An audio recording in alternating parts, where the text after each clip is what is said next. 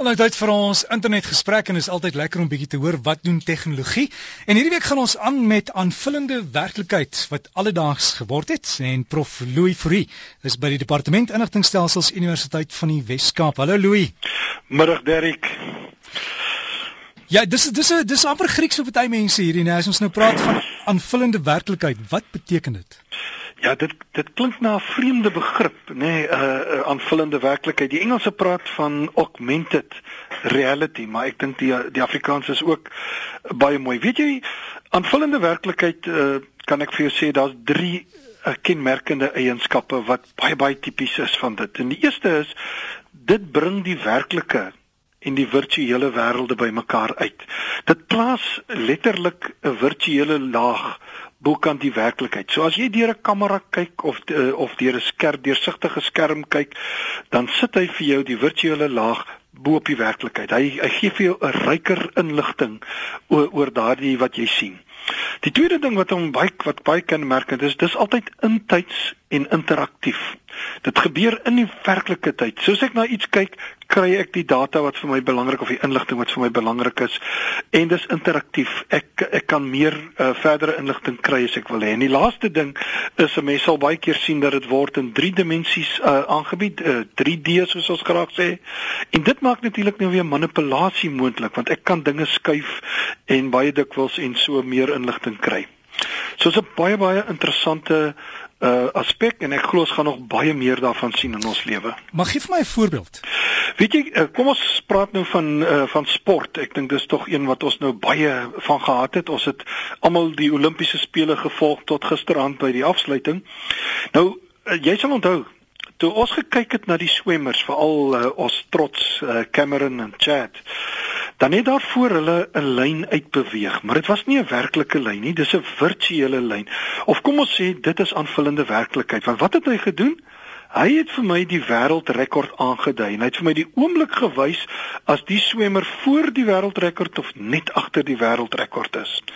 En dieselfde aanvullende werklikheidslyne het ons ook gekry in die diskus, die gewigstoot, die spiesgooi en die verspring. Want kyk, daar het hulle weer vir jou lyne getrek wat goud, silwer en brons status op die oomblik aandui. Sodra iemand beter gooi of beter gewig stoot uh, as 'n brons, dan word dit die nuwe bronslyn of die silwer of die goue lyn. En so ehm um, so het dit hierdie aanvullende werklikheid vir ons gehelp om sin te maak van wat ons eintlik sien, veral as 'n mens nou redelik onervare is rondom die sportsoort. En hierdie selfde uh wil ek sê aanvullende werklikheidslyne sien ons ook in rugby as hulle vir jou die voordeellyn aandui. Of die in sokker sê jy baie keer dit sien op die televisie dat hulle vir jou die onkantlyn aandui. Nou uh, 'n nog interessante ding is dat baie keer as sien 'n mens hierdie advertensies, want dan lyk dit vir jou of die advertensie op die veld is, maar dit is virtuele advertensies op rugby en cricketvelde. En baie keer word hulle as dit 'n internasionale wedstryd is, plaas hulle dit bo-op of bo oor bestaande geverfde of wat mense dit ook al noem advertensies wat op die veld self is. So jy so, kan jy Louis, jy kan dit ook doen. Jy jy praat daarvan as jy rugby kyk so aan die kant daarvoor waar die mense sit voor die paviljoen begin is daar sulke uh hulle noem dit in Engels billboards wat beweeg. Is dit daai goed? Nee, nee, kyk, dis die wat wat ek van praat wat baie gebeur is op die veld self. Sy so, masjien het spuitverf hulle soms hmm. uh jy weet sulke sulke advertensies. Nou wat hulle doen is hulle plaas uh, virtuele advertensies bokant dit sodat jy dit nie kan sien nie. Mm -hmm.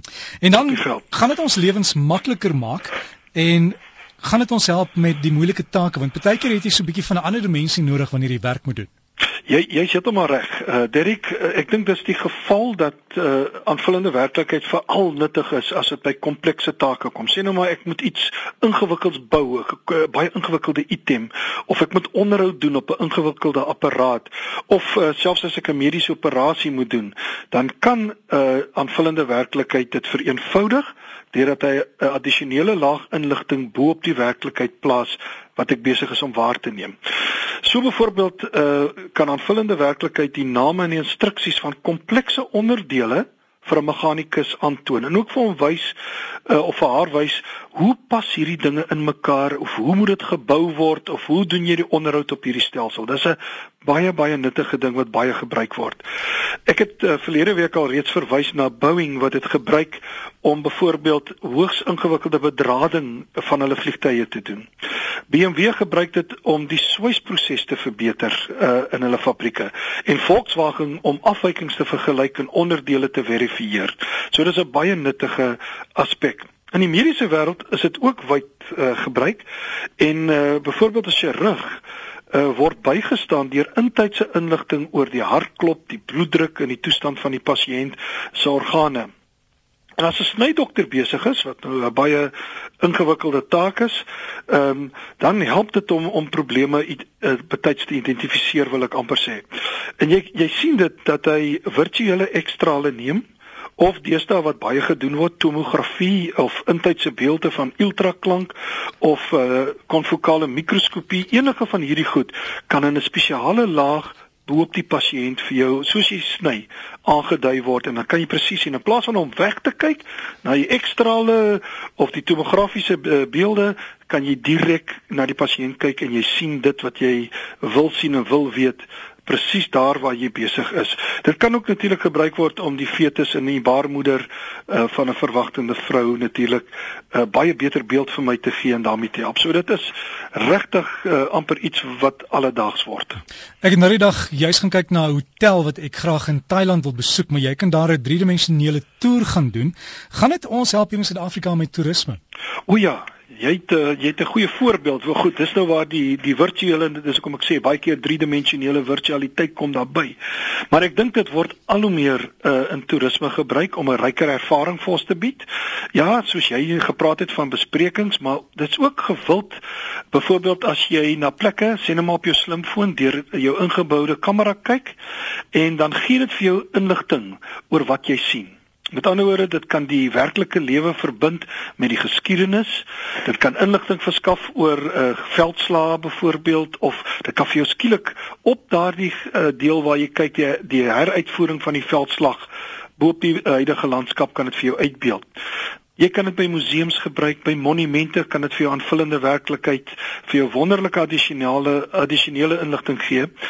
En as jy reis, uh, kan, kan jy selfs na opmerkings en fotos van ander gebruikers wat voor jou daar was kyk.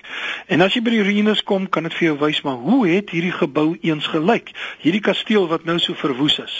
Hoe het hy aanvanklik gelyk? En landskappe kan jy ook baie keer sien van hoe het dit voorheen gelyk, byvoorbeeld voor industrialisasie, voordat die dorp so uitgebrei het, voor daar 'n oorlog was. So dit is uh in toerisme word dit al hoe uh meer gebruik en dan baie beslis uh mense kan ook sê in die besprekings en also meer soos wat jy self genoem het. Louis, dink jy dit sal in die toekoms ook so werk dat as jy sien maar voeltjie afneem met jou kamera gaan hy vir jou sê wat se voeltjie dit is? Baie beslis. Ek dink uh, ek dink daar word hard daaraan gewerk. Kyk hy daar's reeds 'n klomp uh, gedoen om om die erkenning van ten minste geboue. En dan is daar weet ek, ek weet nie van voels nie, maar ek weet ek het gekyk na die een wat diere vir jou herken. Hy sal vir die oorsese toerist kan sê vir al, jy weet ons wat in Suid-Afrika groot word, ons ken mos nou die diere in die wildtuin, maar uh, hulle sal vir hom kan sê nee, dis 'n swart willebees, dis 'n blou willebees, ehm um, of dis 'n kameelperd. Uh, dit is klaar beskikbaar. Sjoe, ongelooflik. En hierdie werklikheid, uh, gaan dit alledaags word? Gaan dit in alles voorkom? Ek dink so, uh Dirk, regtig waar uh, jy weet benewens sport en taakuitvoering, ek dink ek is daar so baie ander toepassings. Weet jy, uh, daar's die mediese wêreld waaroor ek so bietjie gesê het, navigasiestelsels in motors en vliegtye. Ek het gaan kyk daarna op skepe. Industriële ontwerp gebruik dit. Die militêre en veral die nooddienste gebruik dit uh, uh, baie baie baie wyd die in die kuns gebruik hulle dit in die kantooromgewing wat o in die speletjies natuurlik en, en jy weet vermaak is dit baie. Dan is daar selfs intydse vertaling wat vir jou onderskrifte gee en vir jou help. En so en dan, dan in die handel soos jy gesê het as veral as 'n mens na produkte begin kyk eh, of dit nou 'n hotel is 'n diens wat gelewer word of 'n produk dan gee jy vir my meer inligting oor die produk. So dit word regtig alledaags. En ek dit kom ook vir my voor dat die integrering van die virtuele in die werklikheid al hoe meer soemloos gebeur.